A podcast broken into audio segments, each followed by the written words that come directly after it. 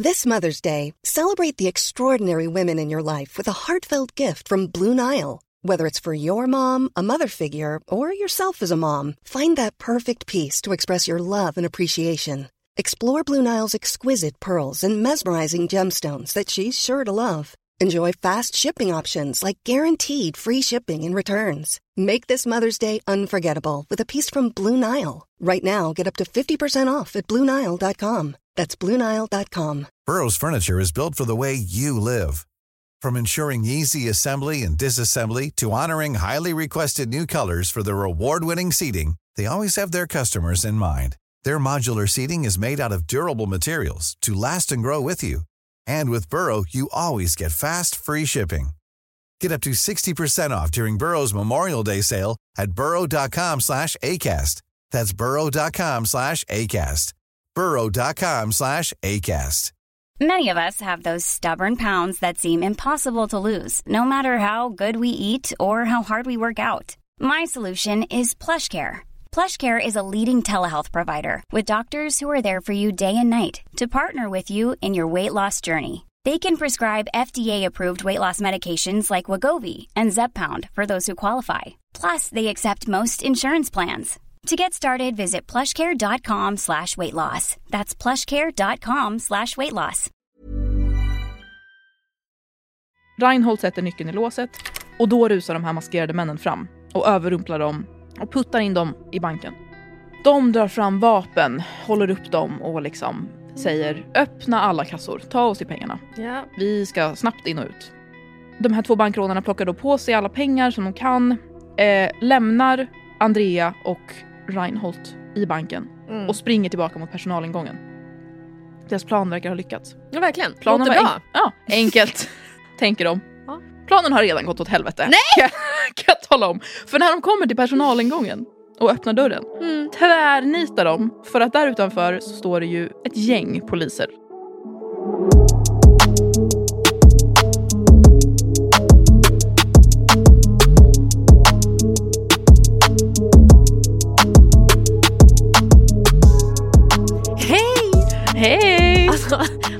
Jag lyssnade på förra veckans förra avsnitt, jag sa hej på ett så galet sätt. Så jag tänkte, jag satte mig ner och tänkte, mm, ska låta mindre galen. Det är Men, sådär. ja, exakt. Kände du att du lyckades? Liksom? Nej! Inte alls. Nej, det gjorde jag inte. Jag måste, jag måste erkänna en sak. Mhm. Jag känner mig tre steg behind in life just nu. Oj.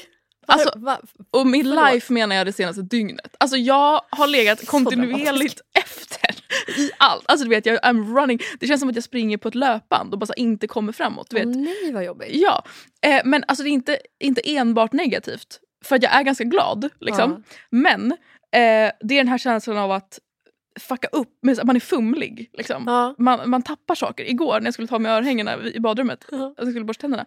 ehm, jag liksom lägger in dem i badrumsskåpet, tappar det ner i handfatet. Nej. Det liksom glider ut badrumsskåpet. Jag lägger det på någon sluttande hög eller jag vet inte. Det glider ut, ramlar i handfatet. Jag bara ah, okej, tar upp det. Lägger in det igen. Det ramlar ut igen. Det är den här känslan av att allting bara så.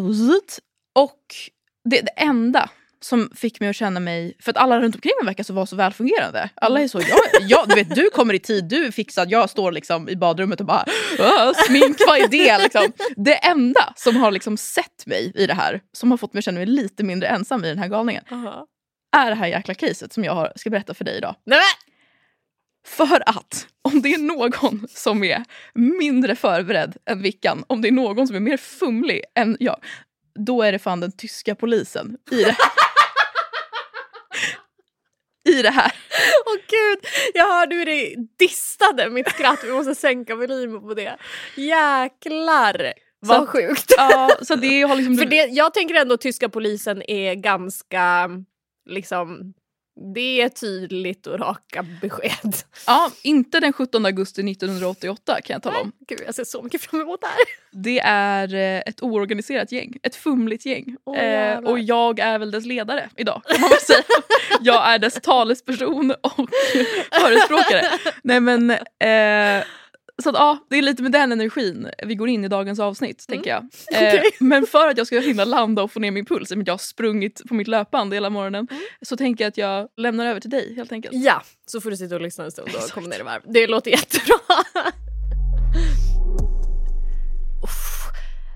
Alltså, man kan ju säga att det är ett visst mått av liksom klantighet och inability till eh, att utföra ett välplanerat projekt. Men det är liksom inte fumligt kul utan det är tragiskt. Jag är ju från Umeå, Umeå. Eh, och eh, förutom våran otroligt vackra Umeälv så har vi en annan stor och tydlig vattenfeature i stan mm. som är vårt vattentorn. Det är...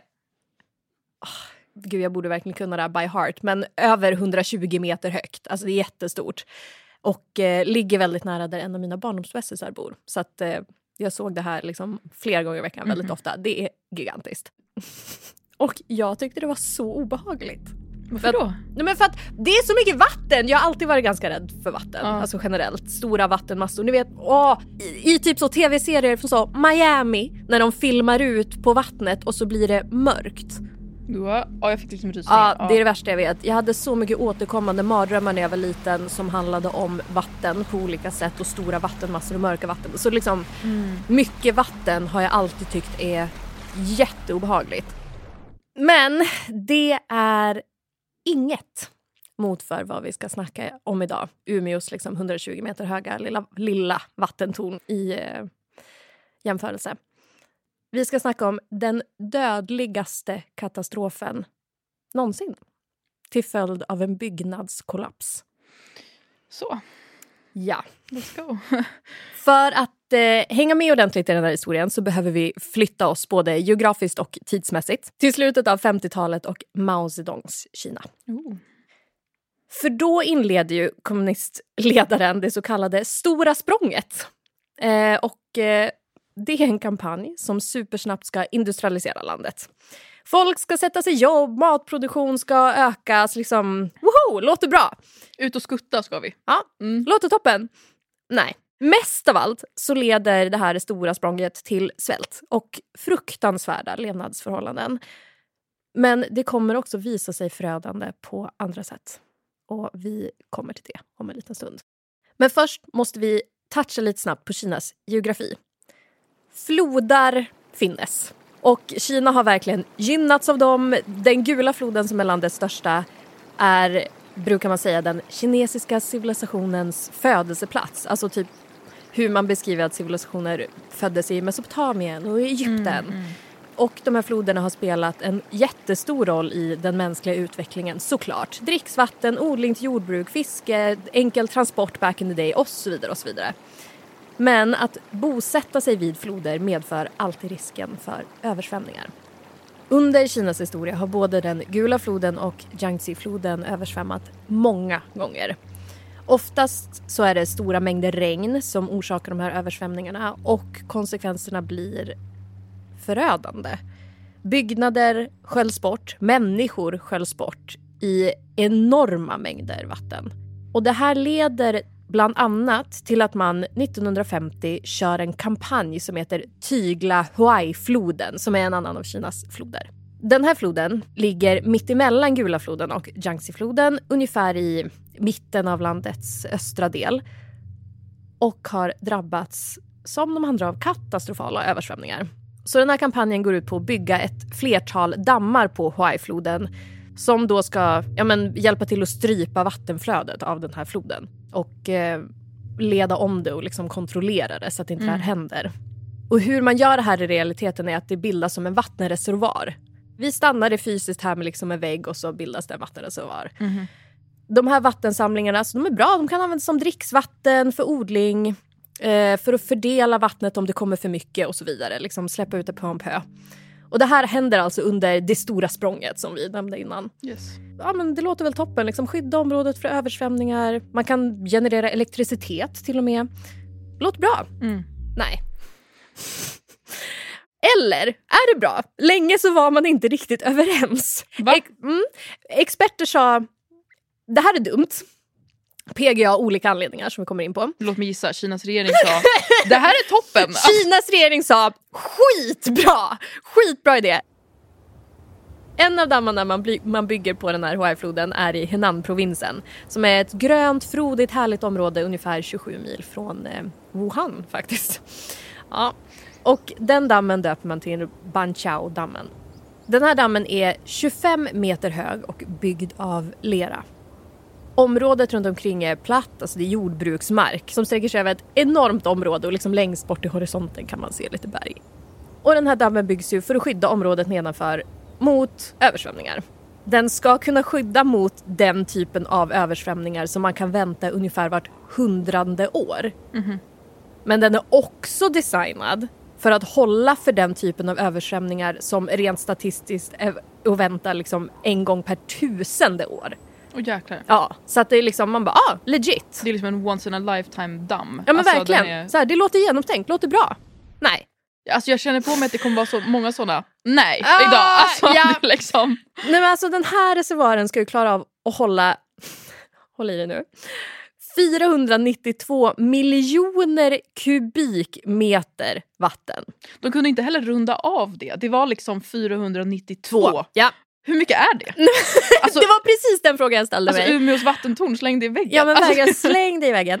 Eh, jag googlade det här ja. och kom in på någon eh, tråd där någon hade skrivit att, alltså det här är så enormt, det skulle alltså vara drygt 160 meter på varje sida i liksom en kub. Oj. Alltså det är så jävla stort. Det är så jävla stort. Ja, en kub ja. Mm. Det, ja, så. 160 på liksom varje sida. Upp, ner, Ja. cross. Ja, mm, mm, mm. ja enorm.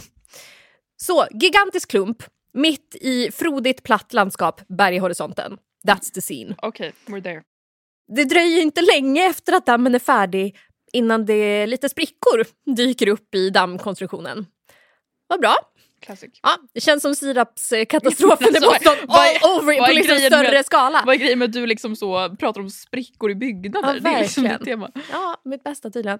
Men sovjeterna kommer liksom till de kommer till räddning och, och hjälper kineserna att reparera dammen. Just det, Brothers in Arms. Ja. Och det blir ju toppen, tycker de. Med den här nya konstruktionen så ses dammen som helt oförstörbar. Den blir till och med kallad för järndammen. Har vi också inte lärt oss någonting om att kalla saker oförstörbara i historien? Alltså, Ja, nej. Titanic, alltså unsinkable. Eh, också någonting som precis har haft sprickor. Känns inte som att det klassificeras in liksom, alltså it doesn't make the cut för Nej, men- oförstörbar. Nej men den, var, den är oförstörbar nu. Järndammen, det är lugnt. Okej, han är Och- lugn. Han är lugn. Mao är lugn. Och Banchao-dammen är stabil. 60-tal, övergår till 70-tal. Dammen står kvar, alltså. intakt. Ja, och där var dagens historia slut. Nej. Nej, nej, så är det ju inte. Det låter ju bra. Nej. och för att förstå varför det här som, upp, som liksom verkar toppen inte är bra måste vi spola tillbaka tiden lite grann och ta en fråga. Oj. Vet du vad en hydrolog är? Det känns eh, som någon som eh, jobbar med vatten på olika sätt. Eh, rätt. En hydrolog är en person som är expert på vatten. Hur det rinner just och hur det påverkar omgivningen. Okej. Och en hydrolog som finns är vid den här tiden 30 år gammal och heter Chen Xing och han är inblandad i bygget av den här äh, dammen. Okej, så vi är nu om. tillbaka på när den byggdes liksom. Precis. Mm. Och kära Chen är tidigt oroad över det här bygget. Bland annat så föreslår han 12 slussportar som ska kunna slussa ut vattnet från reservoaren till floden som rinner från den. För att om det kommer en jättestor vattenmassa vid typ så jätte, jätte heavy rain så måste man kunna parera det så att, den inte, så att inte reservoaren svämmar över. Mhm. Men ledningen känner att fem slussar är en toppenbra mängd. Så det blir fem. Fem är inte tolv, kära Nej ledning. men fem är inte tolv och vi kommer tillbaka till det. Känd blir ju också eh, i den här liksom vevan, det här, det här liksom, ingenting är mer gamla kommunistkina än det här. Han blir anklagad för att vara högeraktivist för att han är lite besvärlig i projektet och blir liksom omplacerad till en annan stad. Ja men just det, jag glömde att så Ja. högst upp på Liberalernas agenda så står 12 slussport. Alltså det är en klassisk sån ideologisk fråga. Ja, alltså, absolut. Så han eh, slussas därifrån. ja, men. Ja. 1961 återvänder han till dammen. När den liksom har blivit förstärkt nu med Sovjetkompisarnas hjälp. Ja, han betraktar den här förstärkta dammen, järndammen, mm, fortfarande missnöjd. Han tycker att designen är bristfällig och hans frustration måste ju vara enorm. ja, alltså han... Ja, men alltså, väl- varför lyssnar ingen på honom? ja, men han, är ju bli... ja, han, han är ju högeraktivist Evelina. Ja, men ju, fan, jag glömde! Ja, nej, men han vädrar ju återigen kritik, mm, återigen fl- förflyttad från projektet. Men som sagt, dammen står ju kvar. Alltså, under 60-talet, 70-talet börjar allt är lugnt och eh, man skriver liksom av Chen som en så störig orosgubbe. Mm. Mer än tio år senare efter att eh, Chensing återvände till dammen 1961 blåser det upp ute på havet. I början av augusti 1975 träffar tyfonen Nina Taiwan. Vindarna är uppemot 185 kilometer i timmen. Va? Ja, alltså jag vet, jag vet. En kraftig nederbörd smattrar över ön. Alltså det är öronbedövande regn. Vindarna sliter upp träd, kastar runt allt som är löst. Det medför så stora översvämningar. Jordskred, det dödar faktiskt 29 personer och orsakar alltså, jättemycket materiell skada. Jäklar. Ja. Men bergen på Taiwan gör att stormen saktar ner. Så när den når den kinesiska kusten är vindstyrkan svagare på ungefär 110 kilometer i timmen. Just det, var lite. Alltså, Ja, ja. fortfarande mycket. Svag men, men vindpust. Alltså. mi- mindre än vad det var. Liksom. Ja, jo. Skadan som den här vinden orsakar är ju därför mindre än Mm. i Taiwan. Men nu är det främst det här alltså, bibliska skyfallet som är problemet. Regnet öser ner över kinesiska landsbygden. Människor flyr in i sina hus och kan liksom höra hur dropparna smäller mot marken. Alltså det blir aldrig tyst. Och för många kommer det här att bli absolut förödande. Den 5 augusti, när stormen har pågått i sex dagar, stöter den på ett hinder en bit in på det kinesiska fastlandet. En kallfront gör att den tappar sin hastighet och stannar av. Men det betyder ju bara att den inte kan fortsätta på samma bana. Åh nej. Det här ovädret är i allra högsta grad pågående och nu blir det koncentrerat på ett ställe istället för att liksom åka vidare. Låt mig gissa. Alltså, Henan-provinsen. mm. Precis där Batchao-dammen ligger. Men den är ju undestructible så Ja, det är lugnt. ja, det är alltså, lugnt. Gärna men ja. alltså hörni, lägg av. Gå hem. Alltså, det är lugnt. Nej men alltså regnet som faller är helt galet. De som bor i närheten de, alltså, de får aldrig uppleva tystnad. Det låter hela tiden. Regnet dånar konstant. Alltså för att ni ska förstå hur mycket, det, det här är så sjukt. På marken ligger döda fåglar som alltså har fallit till marken av allt regnvatten. Va? Ja, De har liksom blivit slagna ur skyn. japp. Av regn. Mm. Ja, då man förstår liksom, man får lite mer grepp om hur tungt regnfall det Mm. faktiskt var. Det har pågått i tre dagar här över, inget slut i sikte, översvämningar råder, vägarna är liksom, det är antingen lervälling som man sjunker ner i eller så är det liksom bara vatten. Katastrof i sig, mm, det är bara början. Invånarna i Banchao vet inte att den här dammen som ligger i närheten av byn håller på att brista. Den är ju byggd för att motstå alltså den typen av storm som beräknas komma en gång var tusende år, du vet. Ja. Mm, den här stormen är ovanligare än så. På mindre än ett dygn har tyfonen Nina släppt ifrån sig mer regn än området brukar få på ett helt år. Den 5 augusti får de 106 centimeter på en dag. I vanliga fall på, Det är ett, alltså en meter regn. i vanliga fall på ett år får de 80 centimeter. 106 centimeter på en dag. Ja. Och regnet den här dagen är alltså nästan fyra gånger så mycket som de 30 centimeter som Banchao-dammen är byggd för att klara på ett dygn. Ja, och nu ballar det ur. Alltså den här enorma nederbörden börjar ju oroa de som arbetar vid Banchao-dammen. För det finns, alltså folk är där, det finns ett litet kontrollrum liksom. Mm. De blir oroliga med rätta. de ser ju fysiskt liksom hur vattennivån i den här reservoaren bara stiger och stiger. Men trots det har operatören fått order om att inte öppna slussarna. Varför? Jo, för att det är ju redan jättesvåra översvämningar längre ner längs floden. Och myndigheterna vill inte förvärra situationen. Så Nej. att man förstår ju beslutet. Men efter första dagen, alltså det här är så jävla unfortunate, slås kommunikationen ut. Ja. Alltså regnet liksom förstör telefonledningarna.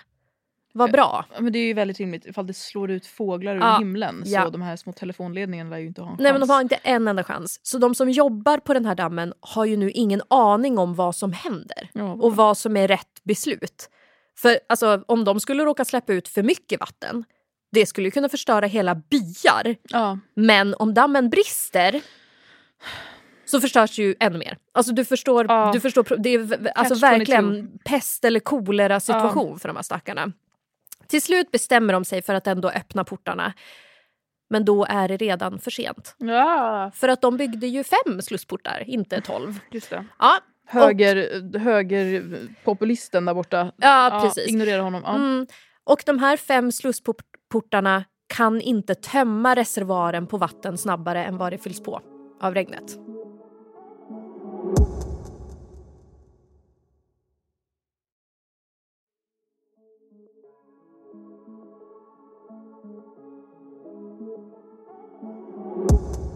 –8 augusti 1975, tre dagar efter det här rekordregnet. Vattennivån i Banchao-reservoaren har nu nått katastrofala höjder. Samtidigt som de håller på att släppa ut vattnet. Japp. Uppe på den här konstruktionen, alltså de som arbetar där, har vatten upp till midjan. Va? Alltså det, det är så... De Det är, står liksom och nej vadar. men det är exakt. Det är så nära liksom bristningsgränsen. Men... Ah, lägg in angel sound. Plötsligt slutar det regna. Nej. Arbetarna kollar upp himlen som de senaste dagarna inte varit något annat än mörka moln.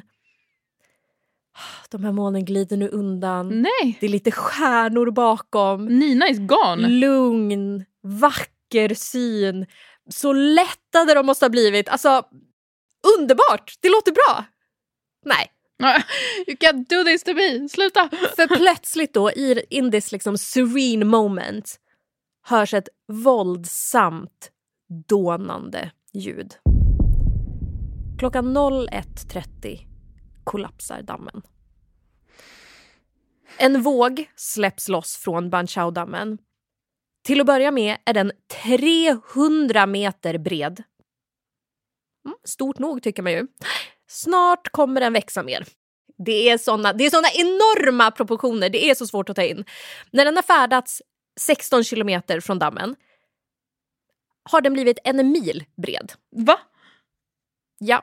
Det är, liksom, det är en gigantisk svallvåg som är en mil bred. Den färdas i 50 kilometer i timmen och är runt 9 meter hög. Alltså det, det är så stort. Det är så stort, det är så stort. Och dammen gick ju sönder mitt i natten.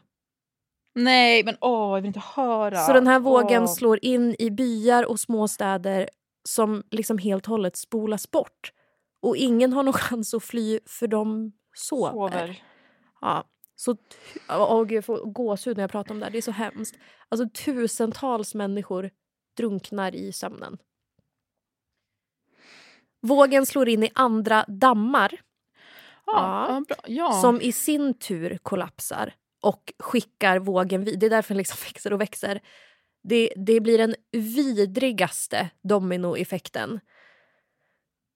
Och för att liksom top it off så är det en annan damm i närheten som också kollapsar oberoende av Banchao-dammen. Och det här vattnet påverkar också ungefär samma ställen. Så att det är liksom, det är kris och panik i det här området. Ungefär 26 000 människor dör i vågen när den sköljer igenom landskapet. Oj, jäklar vad sjukt. När solen går upp är det inte över fält och bondgårdar som det var dagen innan utan över en enorm insjö. Det är vatten överallt. För det har ingenstans att ta vägen. Och nu börjar tyvärr ett annat sjukt händelseförlopp i den här kedjan. För det finns ju de som har överlevt. Mm. De blir ju strandade. I den här enorma insjön som har skapats. Alltså de som har lyckats du vet, så klättra upp på hustak eller klättra upp i träd eller hittat någon liksom hög kulle. De är strandsatta där. Och det är alltså så många som två miljoner människor Va? som hamnar i den här situationen. Och den nya utmaningen blir ju nu att överleva i det här dränkta landskapet utan mat eller rent vatten. Men det, de har liksom hamnat ute på öppet hav typ. Ja, Två miljoner pers. helt sjukt. Och det enda sättet för hjälparbetare att förse dem med mat är att släppa ner det från flygplan. Så man börjar göra det Ja. med liksom mat med fallskärmar. Men drygt hälften av den här maten hamnar i vattnet och börjar ruttna istället för att faktiskt nå folk som behöver den. Oh. Och maten är inte det enda problemet. Sjukdomar börjar sprida sig alltså som en löpeld bland det här blöta, våta, fuktiga landskapet. Oh. Folk sitter tätt ihoppackade. Det är varmt, det är fuktigt, liksom augustihetta i Kina. Dysenteri, som är en slags tarmbakterie, är den vanligaste sjukdomen. Men även tyfoidfeber, influensa, hepatit, malaria härjar på de här hustaken och trädtopparna. Kan också vara så att vissa liksom i sin törst lockas av att dricka det här Nej. vattnet. Ja, även fast det är väldigt, väldigt förorenat. Så många blir också förgiftade. Så dagarna som följer av den här Banchao-dammens kollaps är alltså som ur en mardröm. Många fler dör av svält och sjukdom än av den faktiska vågen. Mm. Man tror att det är ungefär fem gånger så många. Men Kina är ju inte alltid det mest transparenta landet. Så det är lite gissningar, men vi kommer tillbaka till det sen. Den 12 augusti åker ett gäng ämbetsmän från Beijing, Peking till olycksplatsen. Och däribland vår hydrolog Chen Xing. Mm. Under åren som gått så har han sakta liksom kommit ur den här äh, högerextremist-fällan liksom fällan som han fastnade i och fått mer och mer förtroende hos myndigheter och är nu en av landets mest framträdande hydrologer. Han återvänder alltså nu till den här platsen där han för 20 år sedan var med och byggde Banchao-dammen. Och det var ju precis det här han hade fruktat. Mm. Vad ska de göra då? Jo, de börjar spränga de dammar som fortfarande håller tillbaka vatten så att den här liksom insjön ska försvinna. Mm. Eh, Chen leder projektet, för han har ju kunskap om hur vatten kommer att rinna. Så efter en massa liksom dova smällar och rök som stiger i området i luften så kan vattnet börja liksom sjunka iväg från den här nyskapta sjön och rinna liksom mot floder. Det är ju inte liksom helt, det är inte en perfect solution för det orsakar ju översvämningar på andra ställen och så vidare och så vidare. Men vattnet försvinner sakta men säkert från det här området. Mm. Det tar dock ett tag och den här fördröjningen blir förödande för de som är kvar. Många blir kvar på de här taken och träden i två veckor. Va? Folk räddas i en takt på några hundratusen om dagen samtidigt som vattennivån sjunker. Men det räcker liksom inte. Det är också två miljoner pers. Alltså, Exakt. Det är, alltså det är liksom mängden som är problemet. Och när vattnet sjunker undan och liksom börjar lägga sig avslöjas mängder av fuktskadade lik. Oh, nej. Ja. Nej. Och det dröjer ju såklart då inte länge efter den här fruktansvärda katastrofen eh, innan den kinesiska staten känner att det är dags att inleda arbetet med att tysta ner det här. Mm. Den här typen av katastrof är ju såklart väldigt känsliga för kommunistregimen och ingen media får tillåtelse att rapportera om händelsen överhuvudtaget. Det är inte förrän 2005, 30 år senare, som den kinesiska staten officiellt går ut med händelsen. Och, eh, Nyhetsvärde. Ja, Alltså. verkligen. Och den här officiella dödssiffran sätts då på 26 000 människor. Mm. Samma år rapporterar Discovery om händelsen och menar att så många som 240 000 människor ska ha dött när Banqiao-dammen kollapsade och i svälten och sjukdomarna som följde.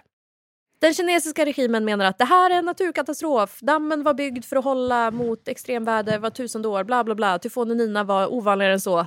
Mm, forskare menar att det här är liksom ett konstruktionsproblem. Det var dammens konstruktion och policyn om att hålla tillbaka Huai-floden som orsakade den här katastrofen.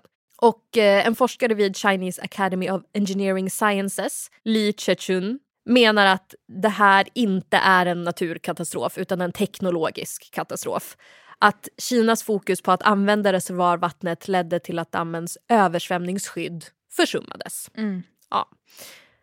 Så naturkatastrofen, som i sig var farlig, absolut, blev så extremt mycket värre av beslut som fattades när dammen byggdes. Vart landar vi efter det här? Alltså, stora, vatt ett, stora vattenmassor och fortsätter vara det absolut obehagligaste jag vet. Alltså, Ingenting har ändrats där. Åh, jag ljudlade en eh, dokumentär om Estonia för ett tag sedan. nej. Nej, Mm. värsta jag gjort. Jag får, liksom, jag får samma typ av känslor av det Ja. här caset som jag fick av det. Man har inget att sätta emot såna enorma krafter och i det här fallet påverkade det tyvärr en enorm mängd människor. Fy fan vad tragiskt. Alltså jag, har, jag behöver en vattenpaus. Alltså, Nej, men jag, tror, jag tror att vi behöver så... ta en godis. Ja, men ta liksom- fem minuter och äta en liten godis. Vi har, vi har både Ferrari salta hallon, min favorit, Victoria hatar. Och så köpte jag också såna här sura hallon S så att hon skulle ha något. Ja, exakt. Som kompensation för att de tidigare godisarna är bland det mest utmanande man har känt i smakväg. om man säger så. Om man ska linda in det diplomatiskt. Ja, visst. Men eh, Åh. ni som har lyssnat på det här, ta en godis ni också. Eller bara Ja. ge er själva en kram. För att vi har, vi har precis lyssnat på någonting jävligt tungt.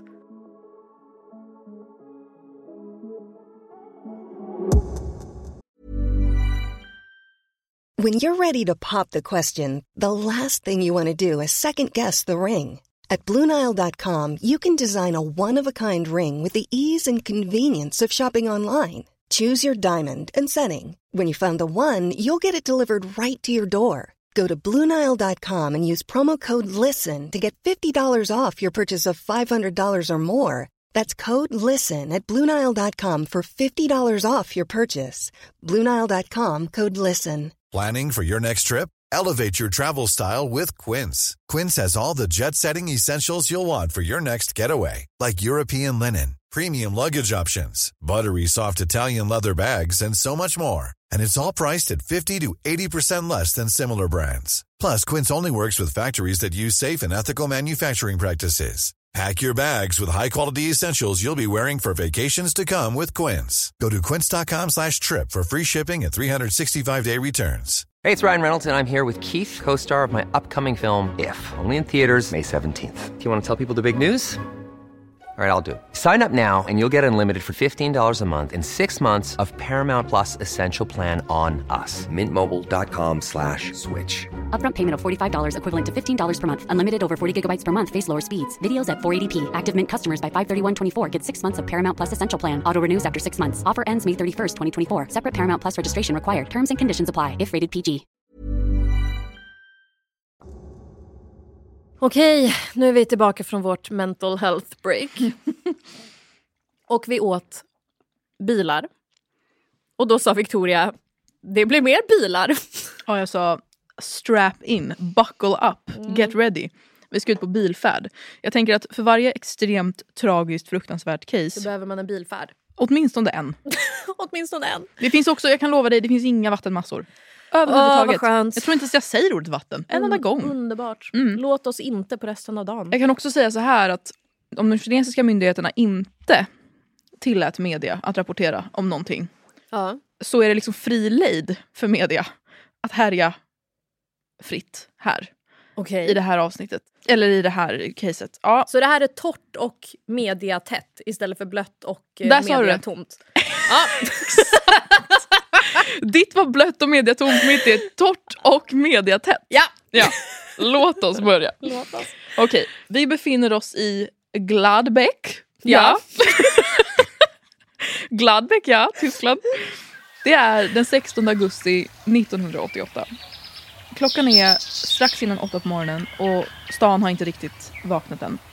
Utanför Deutsche Banks lokala bankkontor, där i Gladbeck, så smyger två maskerade män klädda i svart mot personalingången. Nej, men, Klassiskt dålig start. ja, men Alltså, verkligen!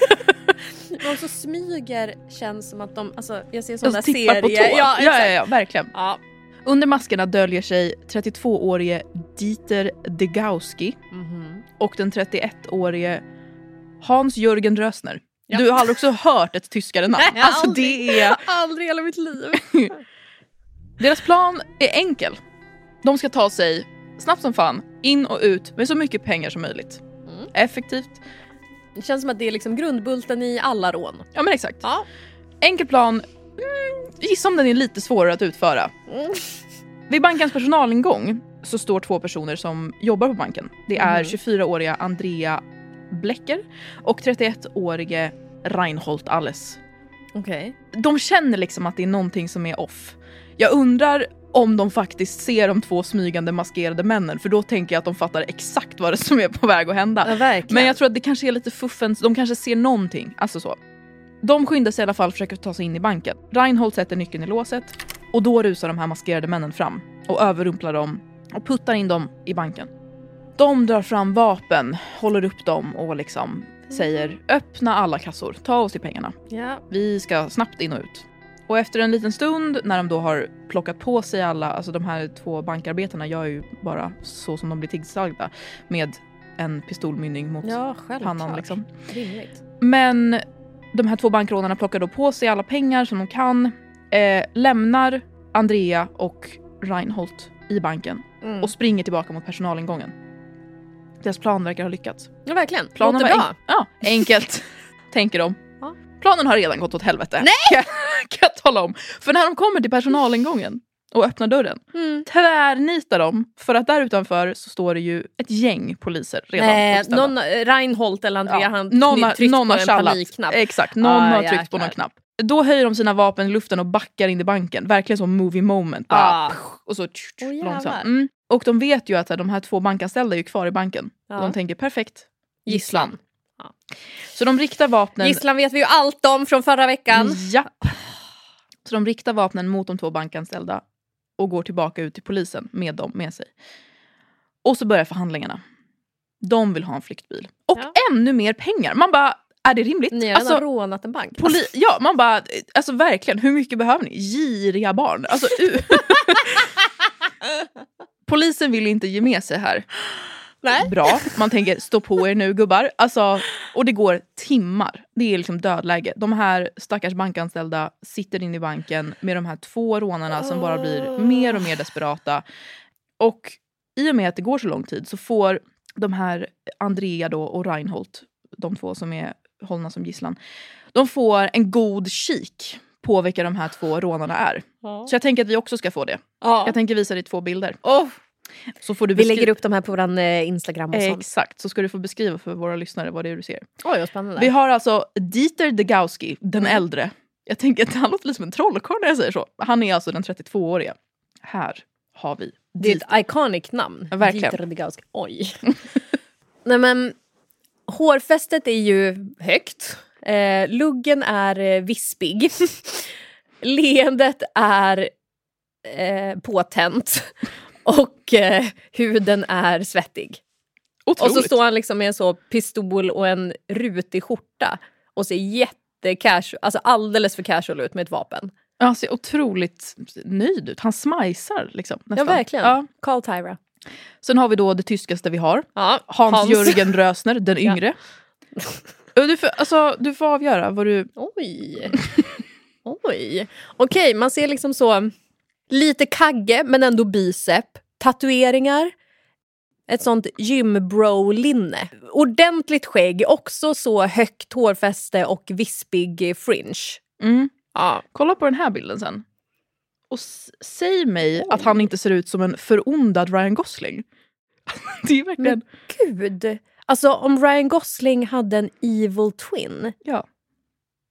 Men det ser också ut som att man har tagit Ryan Goslings ansikte och sen när man, åh ni kan inte se vad jag gör nu, men ni vet när man liksom nyper ihop på typ en iPad. Mm. Så, så att allting kommer bara närmre varann. Ja. Så ser det ut. Att huvudet är lika stort men allting som ska, alla features är liksom samlade i mitten. Ja, de har nypt ihop Ryan Gosling Ja. och gjort honom ond. Ja. Ja, där har vi alltså våra två, våra två boys. Dieter och Hans-Jörgen. Tiden går och de blir mer och mer irriterade. De börjar skjuta på väggarna. Jag tänker, att det, jag tänker att det är som att klättra på väggarna av frustration fast för kriminella. Alltså de är liksom så vid skit. Nej men du får inte säga sådana där roliga saker när jag precis har tagit en klunk vatten. Gud det där att gå illa.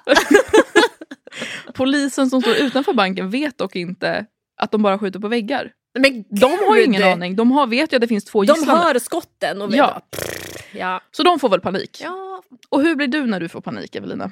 Man tar ju inte sina bästa beslut Nej. när man har panik, så är det ju. Så är det. Jag kan tala om att eh, den tyska polisen den här morgonen blir rent av sagt dumma i huvudet. Eh, för de går ju med på bankrånarnas krav. Vadå en flyktbil och mer pengar? Stämmer bra. Man bara, ska ni inte så slänga in ett penthouse i Berlin också? Ja men Alltså- verkligen! Gör flyktbilen till en Porsche. Nej, men alltså, ver- verkligen. Nej men så att klockan nio på kvällen, då har också hela dagen gått i det här gisslan liksom, situationen. ja.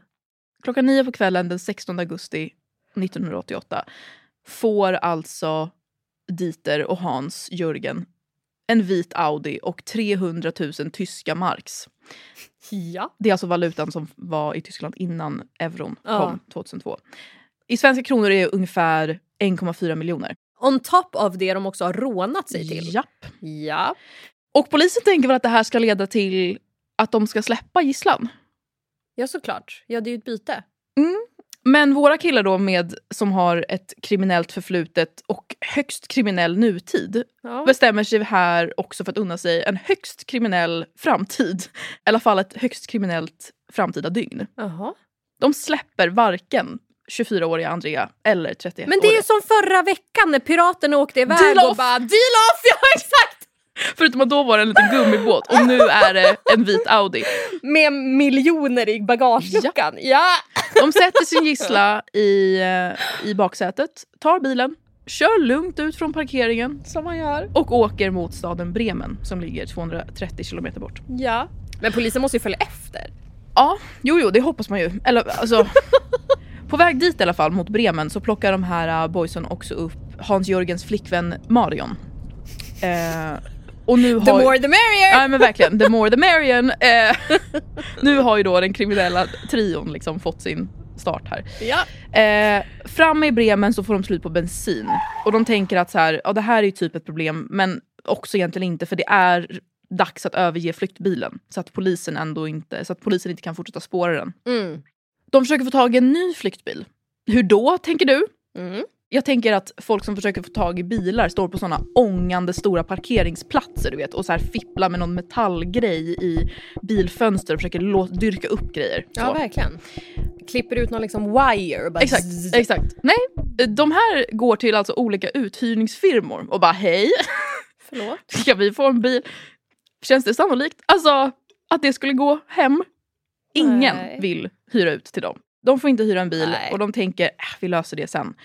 Eh, de förstår att de måste ha en annan plan. Mm. Men först tänker de unna sig att spendera lite pengar av sin nyvunna, nyrånade Ja, förmögenhet. okej. Så Hans Jörgen och hans tjej går på en liten shopping spree och lämnar Dieter och eh, gisslan i bilen. Ja. Bilen som alltså har slut på bensin, den gamla flyktbilen. Ja.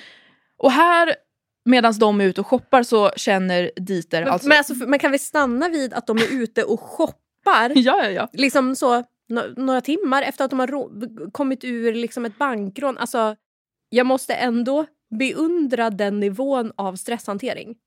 Men, eller så är de höga och fulla som hus. Men, ja, Åh! De har också tuggat katt. ja, men alltså, deal off. Eh, Dieter då, den äldre, Mm. eh, i rutig skjorta med smajsigt revolverleende. Ja. Han kör en egen liten spree här i bilen med sin gisslan. Ja. Han dricker så mycket öl. Han dricker öl efter öl och sitter och liksom svettas. Eh, Vad trevlig bil att vara i. Alltså jättemysig lukt. Ölrapar och svett. Och så Ja. sitter han där med sin revolver liksom. Ja. Eh, tills han lägger den mellan framsätet för att kunna ta lite piller. Han vill liksom skölja ner den här ölen med lite, lite pils. Ja. Eh, så hans Alltså, pistol... den här personen låter så instabil. Nej, men jag tar verkligen. tillbaka allt jag sa om stresshanteringsmekanismer. Så hans pistol ligger där mellan framsätena när han somnar. Andrea och Reinhold, alltså gisslan från banken i Gladbeck, sitter i baksätet och tittar på den här sovande mannen och på hans pistol som ligger mellan framsätena. Oh my god. Och de tänker att det här kanske är deras chans. Ja. Men de vågar inte. Va? Vad fan hade hänt ifall han vaknade? Han är ju som du säger inte den mest stabila Nej, människan. Nej liksom. det är sant. Det är sant. Och här ska vi faktiskt lämna vårt kriminella gäng en stund. Jaha. Där i full fart med sina olika sprees. Ja. Och vi ska förflytta oss lite till den 17 augusti, alltså dagen efter att allt det här började. Mm. Och till en eh, liten busshållplats i Bremen. Där sitter den 18-åriga juridikpraktikanten Silke Bischoff på en bänk och väntar på sin kompis Ines. Silke har slutat jobbet lite tidigare eh, och vill ta bussen hem med Ines så att de kan så catch up, talk about life. Mm. Ines kommer och till slut kommer också bussen. Och när de kliver på så är det redan ganska mycket folk på den. De ser en ledig rad i mitten och slår sig ner där. Det är ju som sagt ganska många personer ombord men de lägger liksom inte riktigt märke till varandra. Du vet som man inte gör när man bara går på en buss. Man noterar ju inte varenda person. Nej liksom. absolut inte. Men som man däremot verkligen gör om man är med om någonting traumatiskt. Och det kommer de snart att vara. Klockan sju på kvällen stannar den här bussen vid ett rödljus. Och under det här röda ljuset står vår kriminella trio. Med höjda vapen. Va? Och bankgisslan. De var färdiga med shoppingen. Ja, de har vaknat till. De springer ombord och puttar sin bankgisslan då framför sig. Folk börjar långsamt fatta vad som händer där framme i bussen. Och nu har bankrånarna alltså gått från att först bara vilja ha lite cash från en bank till att ha två bankgisslan till att nu ha över 30 personer som gisslan på den här bussen. Men det var liksom deras objektiv att ta fler gisslan. De Eller vad ju, håller de på med? Ja, det är, de har ju spårat. De har ju liksom spreeat Men nu. åh. Och nu, nu skulle jag vilja välkomna ett till gäng till clowneriet Nej men som liksom polisen och de här rånarna ägnar sig åt. som att det inte är nog. Nämligen de... pressen. Nej men! Det är nu det blir media Åh! tätt och torrt. Och alltså, det här har alltså kallats tyska medians mörkaste timme. Så buckle up.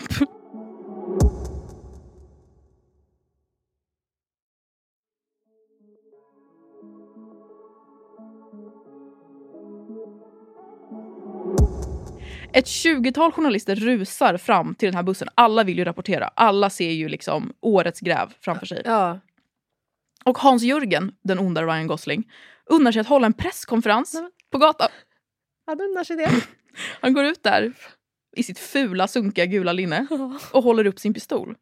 Mot, alltså upp och visar den och hur enkelt som helst hade den kunnat skjuta vem som helst av journalisterna. Men de blir inte rädda, de bara radar upp sig och vill veta allt. Ställer frågor. Men gud, de behandlar honom som en rockstar. Japp. Det här, den här bilden jag visar dig är ju från presskonferensen. Va? Ja. Och plötsligt kommer kumpanen Dieter den äldre ut ur bussen med den här 18-åriga Silke. Hon Nej. Som juridikpraktikanten väntar som... på sin kompis. Exakt. Hon har nämligen blivit hans favoritgisslan. Vilken komplimang. Så han puttar henne framför sig ut ur bussen ut i den stundande presskonferensen. Och en journalist frågar henne hur hon mår under omständigheterna. Och lyssna nu på den här otroliga interaktionen som sker. Ganska bra faktiskt, svarar hon. Och bredvid henne står Dieter, den ja, äldre. Med vapen. Alltså, han, han glänser liksom av svett för att han fortsätter ju att svettas. ja. Och så säger han så ung och tittar på Silke. Och journalisten fortsätter sin intervju här och säger tror du att han kommer skjuta dig? Va? Varpå Silke svarar nej. Nej men förstå, nivån, det är fruktansvärt. Tyska medians mörkaste timme, det blir värre. Men, Efter presskonferensen är det ingen som stoppar dem. Va? Ja, nej men vad det verkar. Det är, de tar Jag ju... tänkte att så här, ah, ja, de mjölkade det för att nu är det, det är slut. Nu för kommer att nu- polisen och gör en liksom, breakdown Ja, ja. operation. Det räcker nu, tack. Nej, nej. Presskonferens färdig. De hoppar på bussen, tar bussen och åker ut på autobahn. Det enda som är tyskare än namnet Hans-Jörgen. och senare då på kvällen efter en liten till bit roadtrip. Eh, på kvällen då den 17 augusti så stannar de på en rastplats.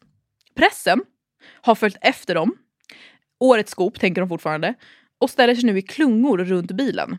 Och polisen har äntligen också vaknat och är där. Eh, men tydligen har de inte vaknat tillräckligt för att de gör inga försök att skingra skaran av journalister. Eller göra några liksom, räddningsförsök på de här gisslan. Inga. De är så, låt gå du store tredje statsmakt. Kör, håll era intervjuer. Liksom. Men det här är ju galet. Jag vet. Däremot, det de gör är att de fortsätter med sina värdelösa förhandlingsmetoder. För rånarna går med på att släppa de här två stackars bankanställda som har liksom Ja. släpats över hela landet sedan igår morse. Ja. Bra, tänker man.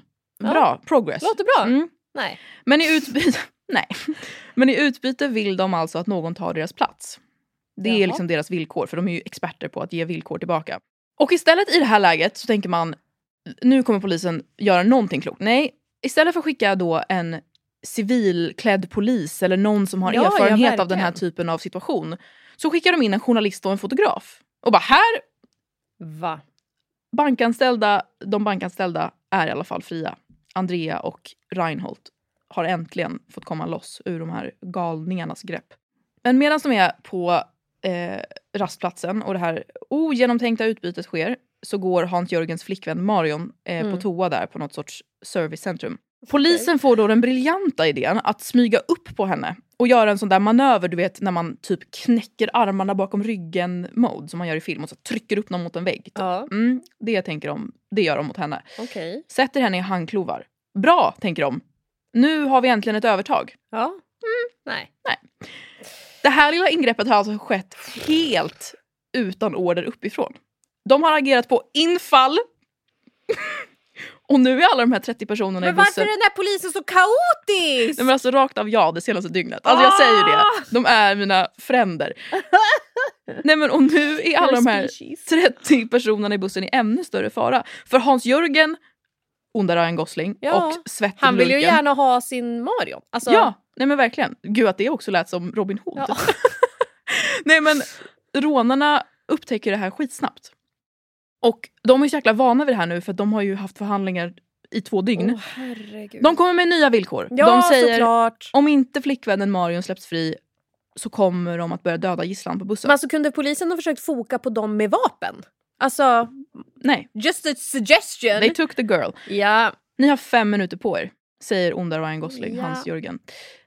Och det här övertaget som polisen nu tror sig ha haft har vänt till ett katastrofalt underläge. ja. Obviously. Vilket man absolut hade kunnat räkna De har ut. 30 pers, du har en person. Ja. Alltså, och de fattar att de inte har något val förutom att släppa flickvännen. Nej, såklart inte. Åh, Så de tar fram sina små nycklar man blir trött. För att öppna handklovarna. Ja. Och när de ska vrida om så hör de ett klickande ljud. Va? Men låset öppnas inte. Va? De inser att det är nyckeln själv som har gått sönder. Den har brutits av på Åh, mitten. Herregud. Ha, alltså förlåt men det, det, det är ju liksom så revyklantery-nivå. Det ja, Åh! Det, det är så låg nivå på de här poliserna. Ja, så då är det liksom så, ja nu börjar vi skjuta folk här om hon inte kommer utan handklovar. Handklovarna har gått sönder. Ja. Ja. Och på bussen är det panik, men det är tyst panik. För att ingen vågar ju, de är ju så instabila de här männen med vapen. Att här- jag hade inte vågat göra ett ljud för då får man ju gör- uppmärksamhet på sig. Exakt, ingen gör ett ljud. Och de här dyrbara minuterna bara fortsätter att ticka förbi. De fick ju fem minuter på sig. Och polisen står där och försöker få ut nyckeln ur handklovarna. Alltså vilka jävla pajaser. Och plötsligt då så hörs det en smäll inifrån bussen. Ja. Polisen har missat sin deadline. Klockan är alltså nu 11 på kvällen. Det har gått 38 timmar sedan bankrånet. Sköt de liksom på väggen i bussen igen som du gjorde på väggen i banken? Polisen eller? vet ju inte vem det är som har blivit skjuten. Och Nej. man vet ju inte precis som du säger om de bara har skjutit på en vägg eller om de har skjutit på en faktisk person. Ja. Men några minuter senare så släpas en livlös Nej. kropp i vit t-shirt ut genom framdörren. Det är alltså en 15-årig pojke som har suttit på bussen med sin lilla syster. Nej. Men vadå, polisen hade inte bara kunnat ge tillbaka hon Marion med handklovarna och säga att de har gått sönder? Exakt. Hade inte det varit bättre än att bara, för vad rånarna verkade, vägra deras request? Ja. Så att den här 15-åriga pojken som har försökt skydda sin lilla syster på bussen eh, har alltså blivit skjuten av Dieter, den äldre. För att Dieter som... Han, Nu, det slutar ju vara liksom lite lattjo nu. Ja. Alltså, Och Dieter håller fortfarande den här 18-åriga Silke bredvid sig. Det är hans favoritgisslan. Liksom. Men han tänker inte döda henne för att hon är ju hans favorit. Så de släpper alltså ut den här livlösa kroppen genom framdörren på bussen. Men det är inte ambulanspersonal som möter dem där utanför. nähä. För det finns ingen ambulans på plats. Utan Va? istället Så det är är ett gisslandrama med 30 personer och folk med vapen men det finns ingen ambulans på plats? Nej, det finns poliser och sen finns det en massa journalister. Nej. Och Men, och den här killen, han är liksom inte stendöd utan han är sk- alltså, skjuten? ja, han är skjuten och skadad och, Ja. hans, Och behöver en ambulans? Och hans vita tröja är helt dränkt Åh, av blod. Och huvudet bara hänger liksom mot bröstet. Och eh, de försöker liksom släpa bort kroppen. Men en av journalisterna håller upp huvudet Nej. mot kamerorna så att de kan få bättre bilder på den här pojken. Alltså Tju- det är så gränslöst. Ja, nej, det är fruktansvärt. 20 minuter efter att pojken har blivit skjuten så kommer ambulansen till platsen. Och de lyfter in honom i ambulansen, men det är för sent. Så det här lilla polisingripandet då, som de försökte sig på, har ju kostat den här 15-åriga pojken sitt liv. Katastrof. Och nu har ju rånarna fortfarande övertaget. Ja! Och tre timmar efter den här rastplatsincidenten så de har ju fortsatt att åka. Liksom. De har tagit bussen och så nu åker de över gränsen till Nederländerna. Det de inte vet är att den nederländska polisstyrkan inte är exakt lika värdelös som den tyska. Och de står, så de står faktiskt och väntar vid gränsen. Ja. Eh, klockan är halv tre på natten den 18 augusti 1988. Eh, och här lyckas den nederländska polisen med någonting som den tyska har misslyckats med gång efter annan. Efter några superlånga förhandlingar så släpps all gisslan i alla fall. Oj! I utbyte mot en flyktbil. Men gud, äntligen personer som gör sitt jobb. Exakt. Alla förutom två. Ja. Gisslan. Silke då, och någon annan.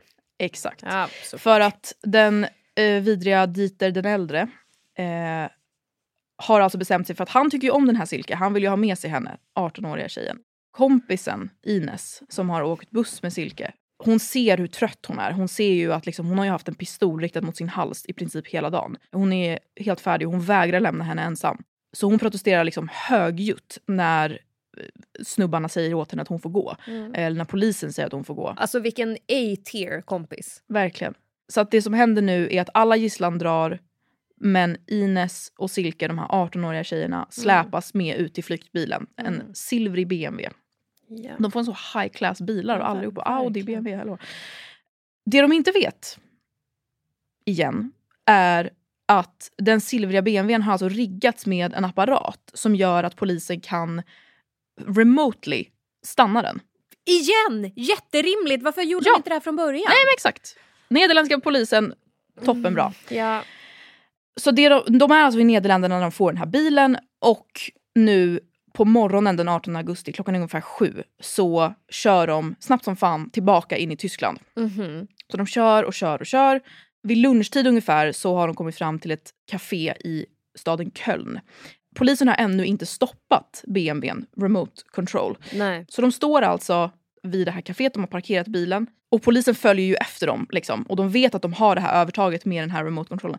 Men det som händer är att allt fler journalister har ju också börjat följa efter Men då, dem. de har inte dragit? Nej. Räckte det inte med att liksom lyfta upp en döende pojkes huvud mot en kamera? Var Nej. inte det nog? Så nu, det de gör nu när de, står, när de har liksom trion och gisslan i en bil är Ja. att de börjar liksom cirkulera kring dem. Alltså de står... Som gamar? Ja, nej men de så här huddlar runt och hänger över den här bilen och försöker bara få in mikrofoner genom liksom fönster och takluckor för att få kommentarer. Hur känns det att vara gisslan? Är du rädd? Kommer de tror, skjuta att, tror dig? du att han ska mörda dig? Och det blir alltså mörkt nästan i bilen för att det är så många journalistkroppar som hänger över fönstren. Liksom. Det är ju ett skämt. Alltså, och alltså, de nästan slår varandra för att få intervju med de här personerna. Ja. Vissa av dem så hämtar kaffe till den kriminella lilla trion. Ehm, de sätter upp stegar längre bak i folkmassan för att liksom kunna se bättre, för att kunna få en bild. Och till en början är bankrånarna ganska lugna där när de sitter i bilen. För de känner att så länge journalisterna är runt oss så kan inte polisen komma fram. Nej, precis. Men problemet är också att den här enorma väggen av människor innebär att de inte heller kan köra iväg. Nej. Och mitt i allt det här då så kommer en tv-reporter fram till baksätet där den här 18-åriga Silke sitter. Och han riktar sin mikrofon mot Dieter, den äldre och frågar om han kan hålla upp sin pistol mot Silkes huvud. Det blir en bättre bild, Förlåt. förklarar han. Förlåt. Så att Dieter höjer revolvern och trycker den liksom mot Silkes hals. Det finns bilder på det här då såklart. Jag Den- hoppas han skäms efter. Alltså vilken vidrig sak att säga. Och det är också en, fruktan, alltså det är en fruktansvärd bild. Den här unga tjejen sitter där och hennes ansikte är ju, hon ser väldigt uttryckslös ut. Jag, ska, jag kan visa bilderna sen. Ja. Hon är ju oskadd liksom, än så länge. Ingenting har ju hänt än. Liksom. Men pistolen... Men fysiskt ja, men hon är djupt traumatiserad. Ja. Alltså, det är ju fruktansvärt hemskt. Och den här bilden då som tas på henne i den stunden kommer att pryda tidningsomslag överallt de kommande dagarna. Ja. vad bra. Då fick den där idioten som bad om bilden lite extra pengar också. Så himla kul. Japp. Och de har ju stått där en stund nu och polisen har ännu inte kommit fram men bankrånarna börjar ändå få panik av journalisternas närvaro. Mm. Och till slut får den onde Ryan Gosling, Hans Jörgen, nog. Han kliver ut ur bilen, riktar sin pistol mot journalisterna och säger get the fuck out. Alltså Ja. nu måste vi dra. De får panik av att stå stilla så där länge. Ja. Eh, alla lyssnar som små lamm, flyttar på sig Alltså, och bilen kan lugnt backa därifrån och liksom åka därifrån. jajamän. jag är så frustrerad med hela den här situationen. Nej, Vad är det som pågår? Nej men jag vet. Det blir också värre av att en av journalisterna väljer att hjälpa rånarna ännu lite till. Jaha. Ja, han hjälper liksom bort att som en så vallhund bara få bort alla liksom, folkmassan så att den skingrar sig snabbare. Mm. Sen sätter han sig i bilen med rånarna och gisslan. Ja. Eh, visar dem den snabbaste vägen till autobahn. Eh, och 40 minuter senare så släpps han av vid en bensinmack. För att liksom så, tack för hjälpen kompis, vi Åh. droppar dig här nu. Han gör ingen attempt att rädda de här tjejerna som sitter där Nej. livrädda. Nej, såklart. Polisen då, som man undrar vart fan är ni? De följer situationen noga, säger de. De, är liksom, de har koll, de har ju sin remote control. Mm. Och nu när rånarna har gett sig ut på autobahn igen, klockan är väl ungefär halv två på dagen nu, Mm. eh, så har de bestämt sig för att nu är det dags att stoppa bilen. Nu har de fått nog, nu behöver vi... Åh, jag, blir så, jag är nervös. Jag är så oimponerad av den här polisen. Ja, med all rätt. För att när de då ska stoppa med fjärrkontrollen så inser de att de har glömt fjärrkontrollen i Nederländerna. Alltså, Polisen måste... alltså jag är så frustrerad som man vill grina. Vad är det som sker? Nej men jag vet. Alltså, det, det är en nivå på den här skiten. Jag, alltså, det, det har, nycklar har gått sönder i lås. De har men gett liksom- pengar och bilar. De har glömt nödvändiga fjärrutlösare. Alltså, Alltså jag tror att jag måste liksom gå och träna efter det här för att boxa ut lite frustration. Alltså Ja. vad, vad i helvete? Wow, okej ja. ja, Mm, den är i Nederländerna. den är i Nederländerna och nu är de bara så här, nu måste vi hitta ett annat sätt att få stopp på den här bilen. Så de fucking kör in i den från sidan. De liksom gasar upp herregud. bredvid den, Det kör liksom in i den från sidan. Hard. Ja, och så trycker de den silvriga BMWn till alltså vägkanten Ja. med sin polisbil. Med då. gisslan i, det är ju inte safe. Nej. Exakt. Och när bilen då till slut har stannat för att den har blivit nermejad från vägen Mm. så hörs ett skott. Ja. Och ingen vet om det är polisen som har skjutit eller bankrånarna som har skjutit. De vet inte om det är mot en vägg eller mot ett, en dörr eller huv eller om det är mot de här tjejerna som sitter Ja. i baksätet. Ja. Och sen börjar det liksom smattra kulor. Alltså det viner skott från alla håll. De flesta kulorna fastnar liksom i metallhöljet på bilen. Mm. Men en går rakt igenom fönstret Nej. och missar dock alla fem personer som sitter inuti. Ja. Hans-Jörgen, ondare Ryan Gosling, han tar den här stackars Silke då från baksätet och håller henne framför sig som en mänsklig sköld mot de här kulorna Mm. och riktar pistolen mot hennes hals. Och i det här tumultet så skriker Silke till sin vän Ines att hon ska ta sig ur bilen för nu Ja. är det liksom ingen som håller koll på dörrar och sånt där. Nej. Så att Ines kastar sig ut ur eh, bildörren och Ja. liksom dyker nästan ner i diket vid vägkanten. När hon plötsligt känner en smäll i ryggen Nej. och att det bara rinner. nej, nej, varmt över hela kroppen. Hon har blivit träffad av en kula. nej. Hon ligger i gräset och det bara jorden Åh, blandas med blodet. Nej, nej, nej. Och hon kan inte ta vägen någonstans. Och hon Nej. tänker att hon ligger där och väntar på att dö. Ja. Men hon kommer att överleva. Åh, tack. Tack. Skönt. Samtidigt Alltså så... det här haveriet är, det är så enormt. Exakt. Och snart är det över. Det som händer nu är att polisen kastar distraktionsgranater eh, som liksom ger ett jättestarkt bländande ljussken när, granat, alltså när de detonerar. Mm. Och i allt det här kaoset när det- de är bländade och det är rök och det är kulor som flyger så rusar till slut polisen in. Man tänker att de borde ha gjort det för tre dagar sedan. Verkligen. Eh, och pressar ner de här bankrånarna och flickvännen mot asfalten. Ja. Ehm, och det är över. Ja. De sätter handklovar på rånarna. Eh, och det är färdigt. Men det är en person som inte klarar sig. Jaha. Det är 18-åriga Silke. Nej men, I allt det här kaoset så har hon blivit träffad av en kula rakt i bröstet, men vad i i... hjärtat. Och hon dör på plats. Och det visar sig senare, är liksom såna ballistic eh, undersökningar, Ja. att det med största sannolikhet eh, har kommit då från Hans Jörgens pistol, det här Mm. skottet. Men det går inte att avgöra ifall det var liksom ett, att han sköt henne medvetet eller om det var I, i, kaoset. Ja, i, i kaoset, exakt. Alltså. Kompisen Ines då som har överlevt och som har spenderat de här 19 timmarna med bankrånarna Ja. tror dock inte att det var, jag vet inte, det här, det här är ju ett uttalande som är liksom, ja, man vet ju inte. Men hon tror inte att det var Hans Jörgens, att det var han som sköt. Helt Ah, enkelt. hon tror det är en konspiration. Nej, men hon tror att det var polisen, som, Ja. polisens kulor i alla fall, som dödade henne. Och jag menar efter det här, nu är gisslandramat över Mm. men Två döda. två döda unga personer, en 15-årig pojke och 18-åriga Silke. Och media och polis blir ju roastade Ja. på alla möjliga sätt. För de har ju hanterat det här fruktansvärt från början till slut. Polisen har haft så många tillfällen att ingripa. Ja. Även media. Alltså, Ja, nej men verkligen! Och eh, de gör liksom en ganska djupgående utredning av hela det här haveriet och visar att här, hela den här situationen hade kunnat vara wrapped up and done innan de ens tog bussen. absolut. Absolut. Och under den här då kritikstormen så eh, blir polisen stämda av de anhöriga till de här två som Rimligt. avled. De anklagas för någonting som kan liknas alltså, vållande till annans död. Mm. Liksom. Men ingen döms av polisen då. Även liksom, tyska pressen blir ju jättekritiserad eh, och det leder faktiskt till att det skapas en lag i Tyskland som säger att journalister aldrig får ingripa under pågående brott. De här två rånarna då, onda Ryan Gosling, Hans Jörgen och Dieter den äldre, de döms till livstidsfängelse. Ja. Flickvännen Marion får nio år i fängelse.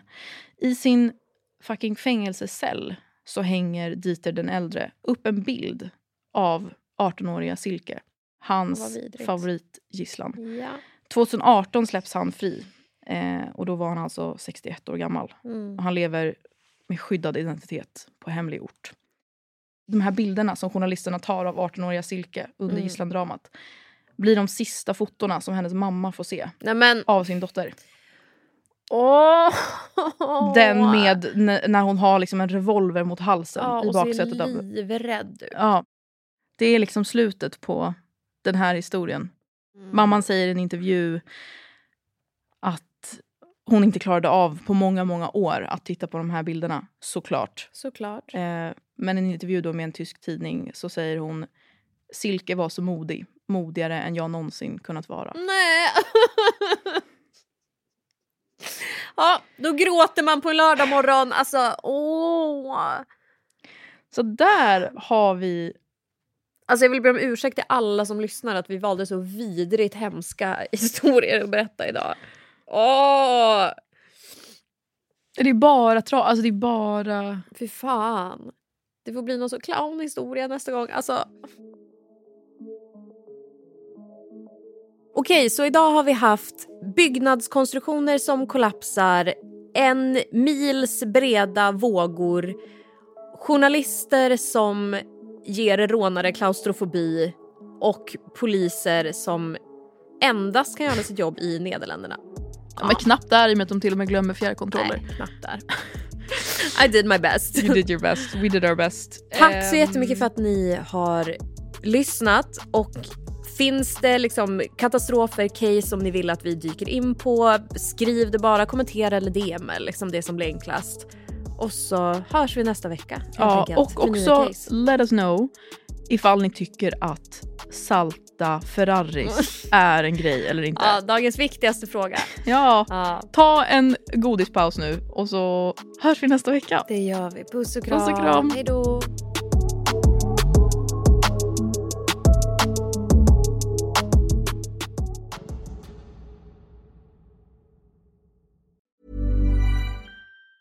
Hey, it's Danny Pellegrino from Everything Iconic.